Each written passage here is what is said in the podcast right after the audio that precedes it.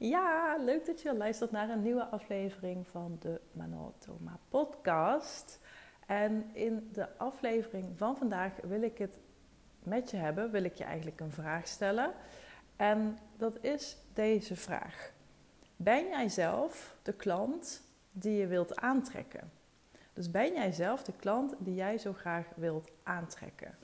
En de reden dat ik hierop kom is ik had hier laatst al een TikTok-filmpje over gemaakt. Het was een, een, bepaalde situatie die had zich voorgedaan. En toen heb ik daar een, een TikTok-fragmentje van gemaakt. Of een TikTok-videootje. Uh, maar ik ging net even naar de uh, Aldi. Dat is de supermarkt hier in Toorn die uh, nou, praktisch bij mij om de hoek ligt. Ik heb even wat spulletjes gehaald, want ik ga zo bananenbrood maken. En ik uh, stond voor uh, de kassa of ik stond achter de band te wachten. En bij de Aldi is altijd een. Rick en ik hebben het daar altijd over. Altijd een beetje een opmerkelijk fenomeen. En dat is op het moment dat wij de supermarkt inlopen, is het heel rustig bij de kassa. En net op het moment dat wij klaar zijn om te gaan afrekenen, dan staat er opeens een rij van 15 personen. Ik weet niet wat het is. het zal wel de wet van aantrekking zijn. Maar dat is gewoon heel vaak. En wat je dan soms merkt, is ook dat mensen een beetje geïrriteerd raken, een beetje, nou, een beetje bozig, ongeduldig. En soms heb je dan ook van die mensen die dan achter de kassa zitten. En die stralen dan ook een bepaalde, nou ja, norsigheid af, zeg maar. En dat helpt natuurlijk. Helpt natuurlijk niet, bedoel ik. En vandaag zat er een, meisje wat super vrolijk was, het lachen en iedereen vriendelijk goeiedag zei. En je merkt dat door zo'n benadering mensen meteen ook ja, zich aanpassen daarop of zo. Dus je merkt dat sommige mensen die dan heel ongeduldig zijn, dat die een soort van zucht uh, slaan en ontspannen en ook wat vriendelijker terugreageren. En dat is denk ik heel erg ook hoe energie werkt. Ik heb al eens een keer een verhaal gelezen over hoe uh, framing werkt. En framing is natuurlijk iets wat heel erg in marketing uh, wordt toegepast. Maar stel je voor, jij komt op een verjaardag en degene die het feestje uh, organiseert, die doet een verhaaltje over iemand die ook later op die verjaardag zal aansluiten. En dat verhaaltje is negatief. Dus die persoon gaat bijvoorbeeld zeggen, nou het is een, het, is een heel onbeschoft iemand of hij maakt uh, smerige grapjes of uh, is heel erg dominant in een gesprek. Nou, dus een, die schetst een negatief scenario. Dan is de kans dus heel groot als die persoon daadwerkelijk op die verjaardag naar binnen loopt, dat jij al dat beeld in je hoofd hebt zitten en dus ook op die manier naar hem of haar gaat kijken. En vervolgens ook weer bevestiging zoekt van ah, inderdaad, ze had gelijk over hem. Het is inderdaad een dominant persoon. Dus op basis van het verhaal wat geschetst is, ga je, gaat je brein bevestiging zoeken. Dat is die confirmation bias wat optreedt. En andersom werkt het natuurlijk ook. Als degene van de verjaardag of de persoon op die verjaardag een introductie had gedaan die uh, super positief was, Hè, bijvoorbeeld heeft heel veel humor, is een supergezellig persoon, uh, klikt het meteen mee, is heel erg aardig. Dan ga je ook met die bril naar die persoon kijken en zul je vervolgens ook het stuk bevestigen in je brein dat dat daadwerkelijk zo klopt. Dus dat is heel erg hoe framing werkt. En ditzelfde principe, en ook dat principe wat ik net vertelde van het meisje bij de kassa, dat kun je natuurlijk ook heel erg toepassen in je positionering als je je bedrijf wil laten groeien. Als je misschien een ander type klant wil gaan aantrekken of um, het kan van alles zijn waar je tegenaan loopt op dit moment. Um, misschien is het wel zo dat, um, uh, dat je een andere koers wil varen of dat je merkt dat uh, je salesgesprekken niet uh, helemaal goed lopen. Misschien merk je wel dat mensen veel te, uh, veel te snel ja zeggen. Of misschien merk je wel dat je heel veel aanvragen krijgt, maar eigenlijk niet de aanvragen die je zou willen hebben. Uh, hè, dus er kunnen heel veel vraagstukken uh, ten grondslag liggen waarbij je kunt gaan nadenken over je positionering. Dus hoe je je positie claimt in de markt.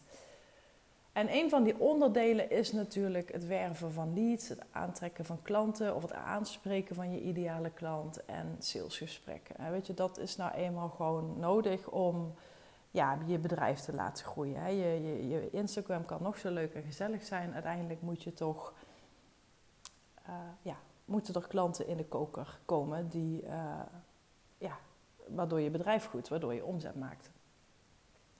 En dat is dus ook de reden waarom uh, ik deze podcast wilde opnemen. Want een hele tijd geleden, en dat is dus ook waar TikTok-filmpje over ging, heb ik een klant gesproken. Dat is uiteindelijk geen klant geworden, dus dat zeg ik er al meteen even bij. Maar dat was dus een potentiële klant. En die kwam met best wel een, ja, eh, best wel een aparte vraag in mijn gesprek. Een probleem wat ze, eh, wat ze had. Want ze zei: Ik heb op zich best wel mensen die uh, interesse in me hebben of die gesprekken plannen. Ze deed ook een voorselectie, dus ze had een vragenformulier wat mensen konden invullen.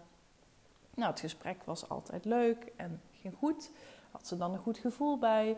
En wat er dan vervolgens gebeurde, is dat mensen haar gingen ghosten, zoals ze dat noemden. Dus dan wilden ze erover nadenken en vervolgens hoorden ze niks meer. En daarop zei ze van, goh, ik stuur dan meestal nog wel een berichtje, maar ja, ik weet niet wat het is, maar ze reageren gewoon niet meer. En ik heb het gevoel dat ik niet gewaardeerd word en dat mensen gewoon maar even gratis kennis bij me willen komen lurken en uh, dat ze eigenlijk helemaal niet willen, maar vooral nieuwsgierig zijn. Ja, er kwamen allerlei uh, um, aannames en, en uh, uitleg kwam daarover. En daar heb ik natuurlijk op doorgevraagd van hè, wat, wat, wat doet dat met je en wat betekent dat voor je bedrijf. Dus daar, daar zijn we even op, op, op doorgegaan. Ik kon merken dat dat een heel uh, ja, een heikel punt was voor haar.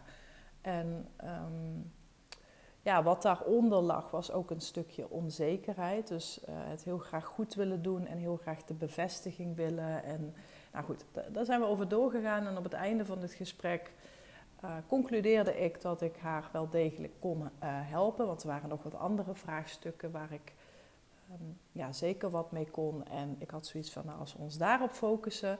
Dus we gaan kijken naar je aanbod, naar je klant, naar je boodschap.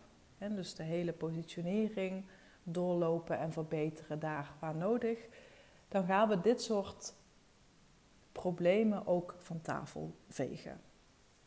Nou, ze was ontzettend enthousiast en uh, alles sprak haar aan. Uh, ze had geen twijfels. Uh, de investering kon ze prima doen. waarop ze zei: van, vind je het goed als ik er wel nog even over nadenk? Want ik moet zoiets altijd even laten, hè, laten bezinken. Ik moet dat even voelen. Um, ja, en op het moment dat iemand zegt ik moet even voelen, dan gaan bij mij wel altijd een beetje de alarmbellen rinkelen. Want en natuurlijk, het, er is context nodig om, om dit te schetsen. Want ik heb ook vaak, als ik met iemand wil werken, dan, dan heb ik soms ook wel eens even een nachtje nodig. En dat is niet dat ik niet de persoon vertrouw of dat ik niet geloof in het aanbod. Maar soms vind ik dat gewoon even prettig, even de dingen op een rij te zetten. Maar ik kan heel snel aangeven of iets goed voelt of niet. En daarbij probeer ik ook altijd na te denken van is dit wat mijn bedrijf nodig heeft? En ja, daar mogen mijn emoties zeker bij betrokken zijn. Maar ik probeer daarin wel ook altijd heel, nou ja, misschien ben ik daar wat te abstract in, maar ik probeer daar wel altijd heel objectief naar te kijken. Dus even een, een, een nuance daarin aanbrengen. Natuurlijk mag je het even laten marineren, natuurlijk mag je er even over nadenken. Ik vind het juist alleen maar goed als je dat, dat, dat zegt. Dat betekent ook dat je wel overwogen keuze maakt. Maar ik, ik, vroeg daar dus weer even op door. Van goh, wat, wat maakt dan uh, precies uh, hè, qua gevoel waar je nog over moet nadenken. En ik merkte dat ze een beetje begon. Ja, een beetje begon te, te, te ja, te twijfelen. Of het voelde een beetje alsof ze uitvluchten zocht. En het gesprek wat zo goed en voortvarend ging, nam opeens voor mij een beetje een andere wending. En ik, ik, ik heb gewoon heel snel kan ik aanvoelen hoe iemand erin uh, staat. Dat heeft ook heel erg met mijn passion te maken, hè, wat in mijn archetype van Fascinate zit. Dus ik, ik, pik heel snel op wat iemand denkt en kan daarbij heel snel uh, overgaan naar, oké, wat voelt iemand versus wat zegt iemand? Want daar zit echt wel een verschil in. Dus ik, ik had al zoiets van, ik weet niet, er klopt iets niet. De, deze persoon heeft nog een andere agenda. Ik denk of ze gaat, of ze is aan het, uh, hè, het uh, shoppen. Hè, dat, dat, dat, noem ik wel eens. Hè. Sommige mensen die gaan met 23 business coaches of strategen in gesprek. En is het vooral een beetje ideetjes vergaren en zijn ze niet echt committed of gaan ze heel erg kijken en vergelijken. En um, dus ik dacht, oké, dan is ze er misschien toch tussendoor gevloept. Want in principe val ik met niets of niemand te vergelijken, omdat ik natuurlijk onder andere met Fascinate werk, een, een methode die verder niemand in de Benelux uh, aanbiedt. Hè. Dus dan kun je denken, uh, nou, nou, nou, nou, dat klinkt interessant. Dat weet ik. maar zo is het natuurlijk wel. Hè. Dus als ik inderdaad een random business coach zou zijn, waar dan natuurlijk superveel zou van zijn inmiddels, dan snap ik dat je even gaat uh, rondwandelen en, en met mensen in gesprek gaat. Omdat uh, ja, je wilt er gewoon een, een, goed gevoel bij hebben. En zeker omdat er zoveel van hetzelfde is, wil je wel met iemand gaan werken waarvan je denkt van ja, dit, deze persoon voelt mij perfect aan, hè, bijvoorbeeld. Maar ik had, er, uh, ik had er gewoon geen goed gevoel bij. En ze zei: Oké, ik ga erover nadenken. Nou, wat ik dan vervolgens altijd doe, is een dag uh, afspreken met zo iemand. Van stel, we hebben op woensdag een gesprek gehad dan, dan wil ik dat voor het weekend, dus uiterlijk vrijdag, horen. En dat is geen uh, manier om je te pushen, want wat mij betreft, ik, ik heb genoeg mensen die één op één met me willen werken, maar ik heb, ik heb er ook maar heel beperkt plek voor. Dus in die zin heb ik, nou ja, mensen voor het oprapen, dat is wel heel overdreven, maar ik, ik, ik sta er gewoon heel neutraal in. Weet je, als het niet is, is het niet, als het wel is, is het wel. Weet je, je moet het helemaal zelf weten. Um, dus ja, afspraak gemaakt, uh, inderdaad voor het weekend. Je zou het ook kunnen doen, stel dat je op vrijdag een gesprek hebt. Dat, dat je zegt van nou, laat het maar aan het einde van de dag weten of, of uh, maandagochtend. Ik denk ook altijd als het goed voelt en je gelooft in, in, in het aanbod en je gelooft in jezelf, hè, want dat is natuurlijk het allerbelangrijkste dan, dan hoef je daar geen week over na te denken. En als je langer dan een week hebt, dan, dan weet je ook, dan gaat het leven weer er tussendoor fietsen en dan kun je het helemaal schudden. Dus oké, die afspraak was gemaakt, ik kom terug.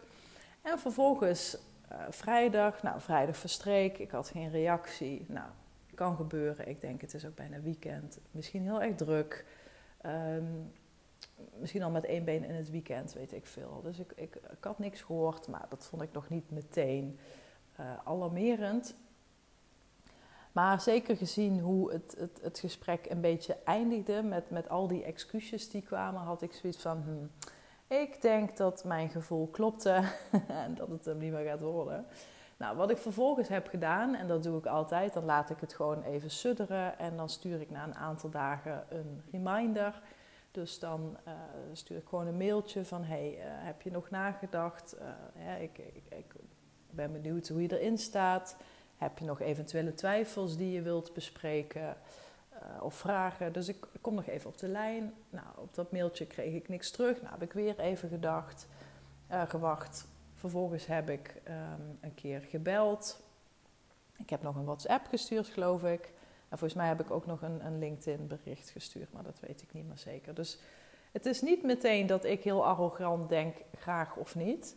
Weet je, als ik voel en, en ik zie mogelijkheden, dan, dan laat ik iemand niet zomaar lopen. Ik ben wat dat betreft, ja, ik, ik, sta er ook weer niet zo in dat ik, dat ik gewoon mijn schouders ophaal en denk boeien.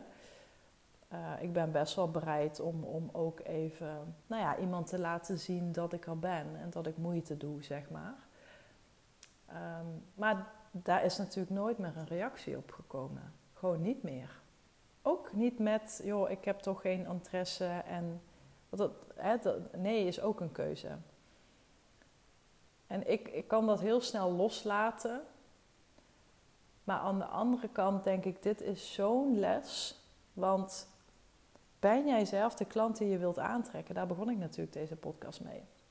En als jij zelf een, een heel groot pijnpunt benoemt in jouw, um, in jouw klantenwerving en je geeft aan, ik spreek vaker mensen die gewoon nooit meer reageren op mijn voorstel, op mijn offerte, die mij gewoon ghosten. Maar je doet het zelf ook. Wat denk je dat energie doet? Dit is wat ze karma noemen, toch? What goes around comes around. En dit is gewoon exact wat het is. Dus als jij een bepaalde klant wil aantrekken, zorg dan dat je zelf eerst die klant wordt, bent. Hetzelfde heeft ook bijvoorbeeld te maken met uh, investeringen doen. Ik heb voordat ik met uh, Fascinate begon te werken, nou ik denk dat mijn hoogste investering ooit, volgens mij was het 1500 euro voor, een, uh, voor drie sessies of zo. Nou, dat vond ik toen echt godsgruwelijk veel geld. Uh, en, en ooit ben ik zelfs begonnen met een coachingstraject van 500 euro. Dus het coachingstraject wat ik zelf volgde. En dat vond ik zoveel geld. Daar heb ik zoveel buikpijn van gehad. Maar die buikpijn die kun je echt wel oprekken. En nadat ik met Fascinate uh, heb gewerkt, en dat was toen een investering. En daar kwam daarna ben ik nog doorgestroomd in, um, in een mastermind daarvan. Dus ben ik nog doorgestroomd naar een andere coach van hun. Maar volgens mij kwam het om en nabij op de, op de 8000 euro uit. Ja, dat was voor mij toen gewoon echt uh, een, een, nou, ja, een, een, een heel groot buikpijnmomentje, zeg maar. En ik weet ook nog dat ik de investering, de betaling in pay in full deed. Dat, zo zeggen ze dat in Amerika. Dat vind ik zo mooi klinken, pay in full. En dat betekent dus gewoon dat je de investering in één keer doet. Niet in termijnen, dan ben je ook altijd wat goedkoper uh, uit, logisch ook. En ik weet nog dat ik mezelf toen een hele bink voelde. Dat ik echt denk van zo, deze dame heeft pay in full gedaan. Mijn broek staat ook full, want ik vond het echt al een dingetje. Maar ik voelde wel aan alle kanten, als ik die persoon wil worden die ik voor ogen heb, dan horen daar ook de acties en de besluiten en de beslissingen en de denkwijze bij die dergelijke personen hebben. En het grappige is ook vanaf het moment dat ik die investering deed, ja, gebeurde er iets intern. Ik, en, en ik kan je dit niet uitleggen, want dit is, dit is denk ik gewoon heel energetisch, misschien wel spiritueel. Maar je voelt jezelf echt ook in waarde toenemen, omdat je een dergelijke investering bij een ander doet. Waarmee ik niet wil zeggen dat, dat je daarmee maar uh, gewoon de prijzen kunt, kunt roepen en, en bedenken waar je, waar je zin in hebt. Want die trend zie ik ook een beetje ontstaan. Um, ik, waarschijnlijk ken je ze wel, maar dan beginnen van die uh, posts of captions beginnen met... ja, ik deed een investering in mijn business coach van 70.000 euro. Ja, dat, dat zegt niks over de waarde die je voor mij kon brengen. Dat, dat, geeft, dat, dat zegt nog niks over de toegevoegde waarde die jij in je pocket hebt. het geeft wel aan dat je lef hebt en dat je durf hebt. Maar zo'n zo'n post is bedoeld voor één ding en dat is uh, framing. Nou, mijn koffiezetapparaat gaat zichzelf even afsluiten, dus die maakt even uh, herrie. Maar ook een dergelijke post, dus praten over een investering die jij hebt gedaan in een ander of in een programma of in een traject, is bedoeld om te framen. Net zoals wat ik je in het begin zei over die verjaardag.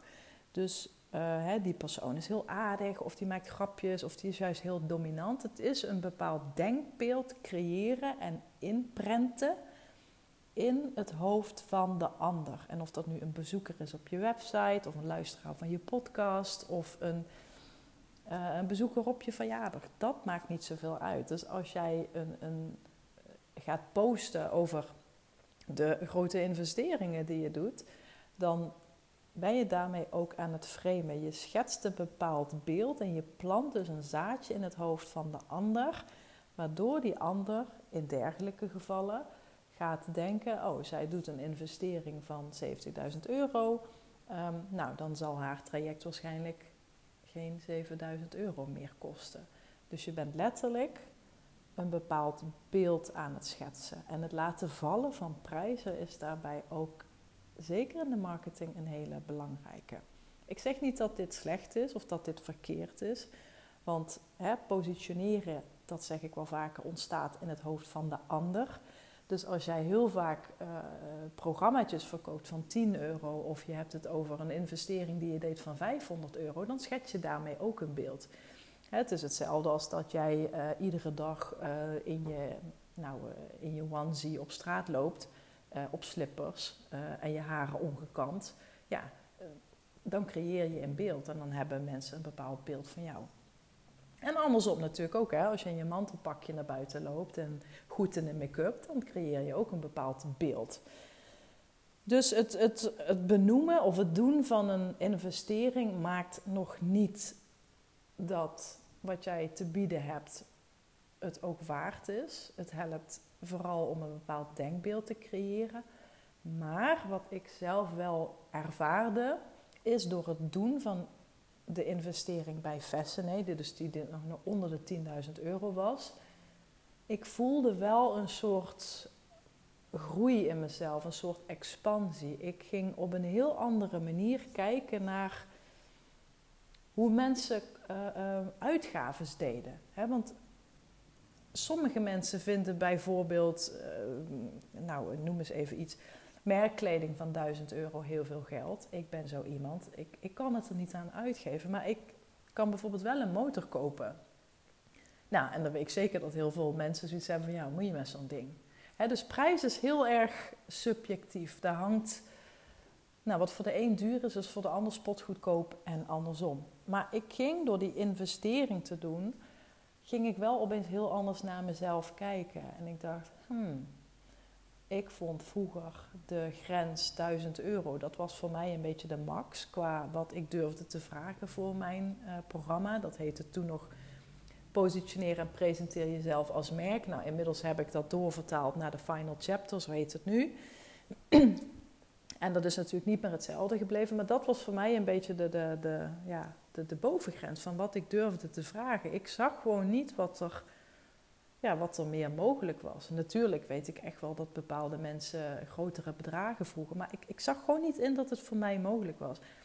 Maar door die investering te doen in Sally en in Fascinate, had ik opeens, ja, ik voelde opeens alsof ik, nou ja, in, in, met, met, met de grotere mensen meedeed of zo. Dus ik ging ook opeens heel anders kijken naar mijn eigen waarde, naar mijn eigen aanbod. En dat is zo'n stretch voor mij geweest.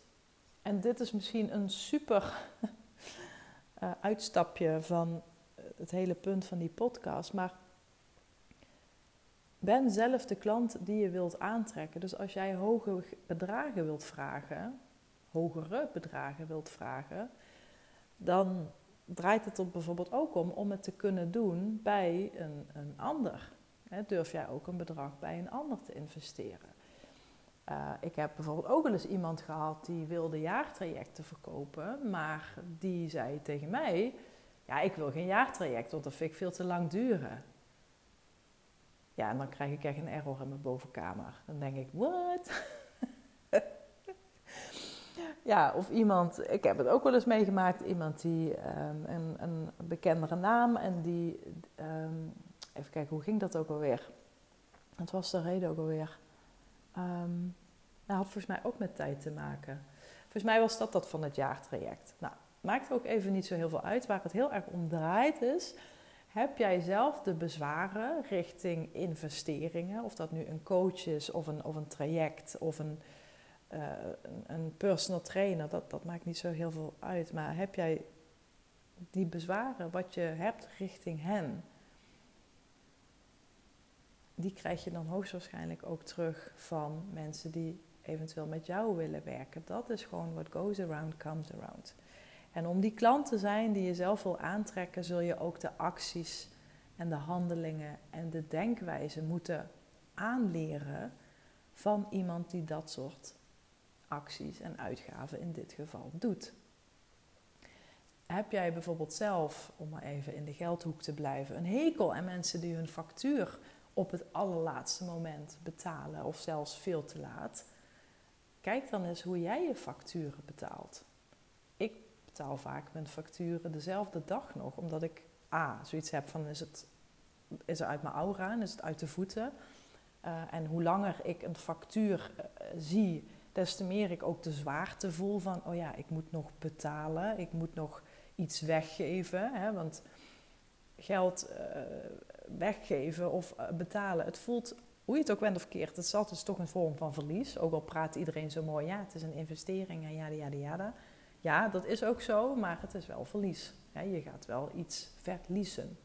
En hoe eerder je dan denkt, hoppa, overmaken, klaar, archiveren die mail, facturen en boeken en klaar. Dat voelt gewoon veel lichter. En hoe meer je dat soort dingen ook doet, hoe meer je het ook gaat terugkrijgen van klanten. Al mijn klanten betalen ja, eigenlijk altijd direct of binnen één of twee dagen. Sommigen zetten er zelfs bij met liefde of ik ben zo dankbaar. Dat is gewoon hoe het werkt. En dat kun je misschien een beetje zweverig vinden of een beetje onnozel, maar ik geloof daar wel echt in. Dus met deze podcast wil ik je echt uitdagen om een keer voor jezelf helder te krijgen, een keer helder te scheppen. Wat is nu echt jouw droomklant? En wat heeft hij of zij nodig? En wat zijn hem of, of, of zijn of haar behoeftes? Wat vinden ze prettig? Hè? Behandel een ander ook hoe je zelf behandeld wilt worden. En als je dan tegen dergelijke situaties aanloopt, hè, bijvoorbeeld klanten um, mailen jou continu in het weekend of bellen jou gewoon in het weekend. Wees dan eens kritisch op jezelf in hoeverre jij tijd claimt van anderen. Ik zeg nu niet dat dit zo is, hè, maar dit is gewoon even een scenario, even een voorbeeld. Dus ga er dus voor jezelf na. En ga vervolgens dan eens als eerste die acties zetten. Durf dan een keer als eerste gewoon iets te doen. En watch the magic happens. Echt. Ik, dit was voor mij echt een game changer. En een, een, uh, ook als ik bijvoorbeeld met iemand samenwerk, of, of ik, ik heb ook wel eens bijvoorbeeld gehad dat, dat ik iemand ergens voor had benaderd en die had wat voorwerk gedaan. En achteraf dacht ik, nee, dit is volgens mij toch niet de goede keuze. Toen heb ik diegene bedankt, maar toen heb ik alsnog gevraagd van stuur me alsjeblieft de factuur voor dat wat je gedaan hebt. En die persoon zei toen ook, nee, nee, want dit was de afspraak en, en je hoeft dit pas te betalen op het moment dat je ja zegt. Maar ik zeg, nee, ik wil, ik wil je gewoon belonen en, en bedanken voor de tijd die je voor mij hebt vrijgemaakt. Als ik een, um, ik heb ook wel eens in een traject gezeten waarbij ik last minute een, een afspraak of een sessie moest uh, um, afmelden. En die persoon vatte dat heel liefdevol op. Zei ook weer, joh, is echt, dit soort dingen gebeuren, maak je niet druk. Ik zeg, nee, ik respecteer jouw tijd. Ik waardeer jou uh, de, de ruimte die je voor mij hebt vrijgehouden. Je had voor mij ook nu een andere klant kunnen bedienen. Laat me alsjeblieft uh, betalen. En dan is voor mij de energie gewoon weer ja, neutraal als het ware. En Misschien gaat dit voor jou wat te ver, dat is helemaal oké. Kijk vooral waar jij je goed bij voelt. Hè? En dat is ook waarom ik weer even zeg, behandel een ander zoals je zelf behandeld wil worden. En dat kun je natuurlijk op allerlei vlakken in je business eens een keer onder de loep nemen. Nou, ik ben heel benieuwd naar je aha-momenten naar aanleiding van deze aflevering. Ik vind het super leuk als je me dat wilt laten weten via Instagram. Je kunt me ook helpen door uh, deze of een andere aflevering te delen in je netwerk, uh, met je zakenrelaties of uh, met kennissen of met vrienden. En hoe meer mensen mijn podcast ook weten te vinden, hoe, nou, hoe leuker dat natuurlijk is, zodat ik meer impact kan maken. Mocht je het nog niet hebben gedaan, ik ben ook heel erg geholpen met een review. Dat kan op Apple Podcast. dan kun je er eentje schrijven, dat is één minuutje werk. En heb je minder tijd, dan kun je op een 5 sterren rating van Spotify klikken. Dus dan kun je klikken op podcast beoordelen en dan kun je een aantal sterren invullen. En ook daar, het is één seconde werk, help je mij echt enorm mee. Nou, mocht je hier vragen over hebben of wil je ook een keer met mij in gesprek, check dan even de tekst en de begeleidende informatie bij deze podcast. Daar vind je alle info, alle linkjes. En wie weet spreken we elkaar een keertje. Nou, voor nu fijne dag en ik spreek je later. Doei doei!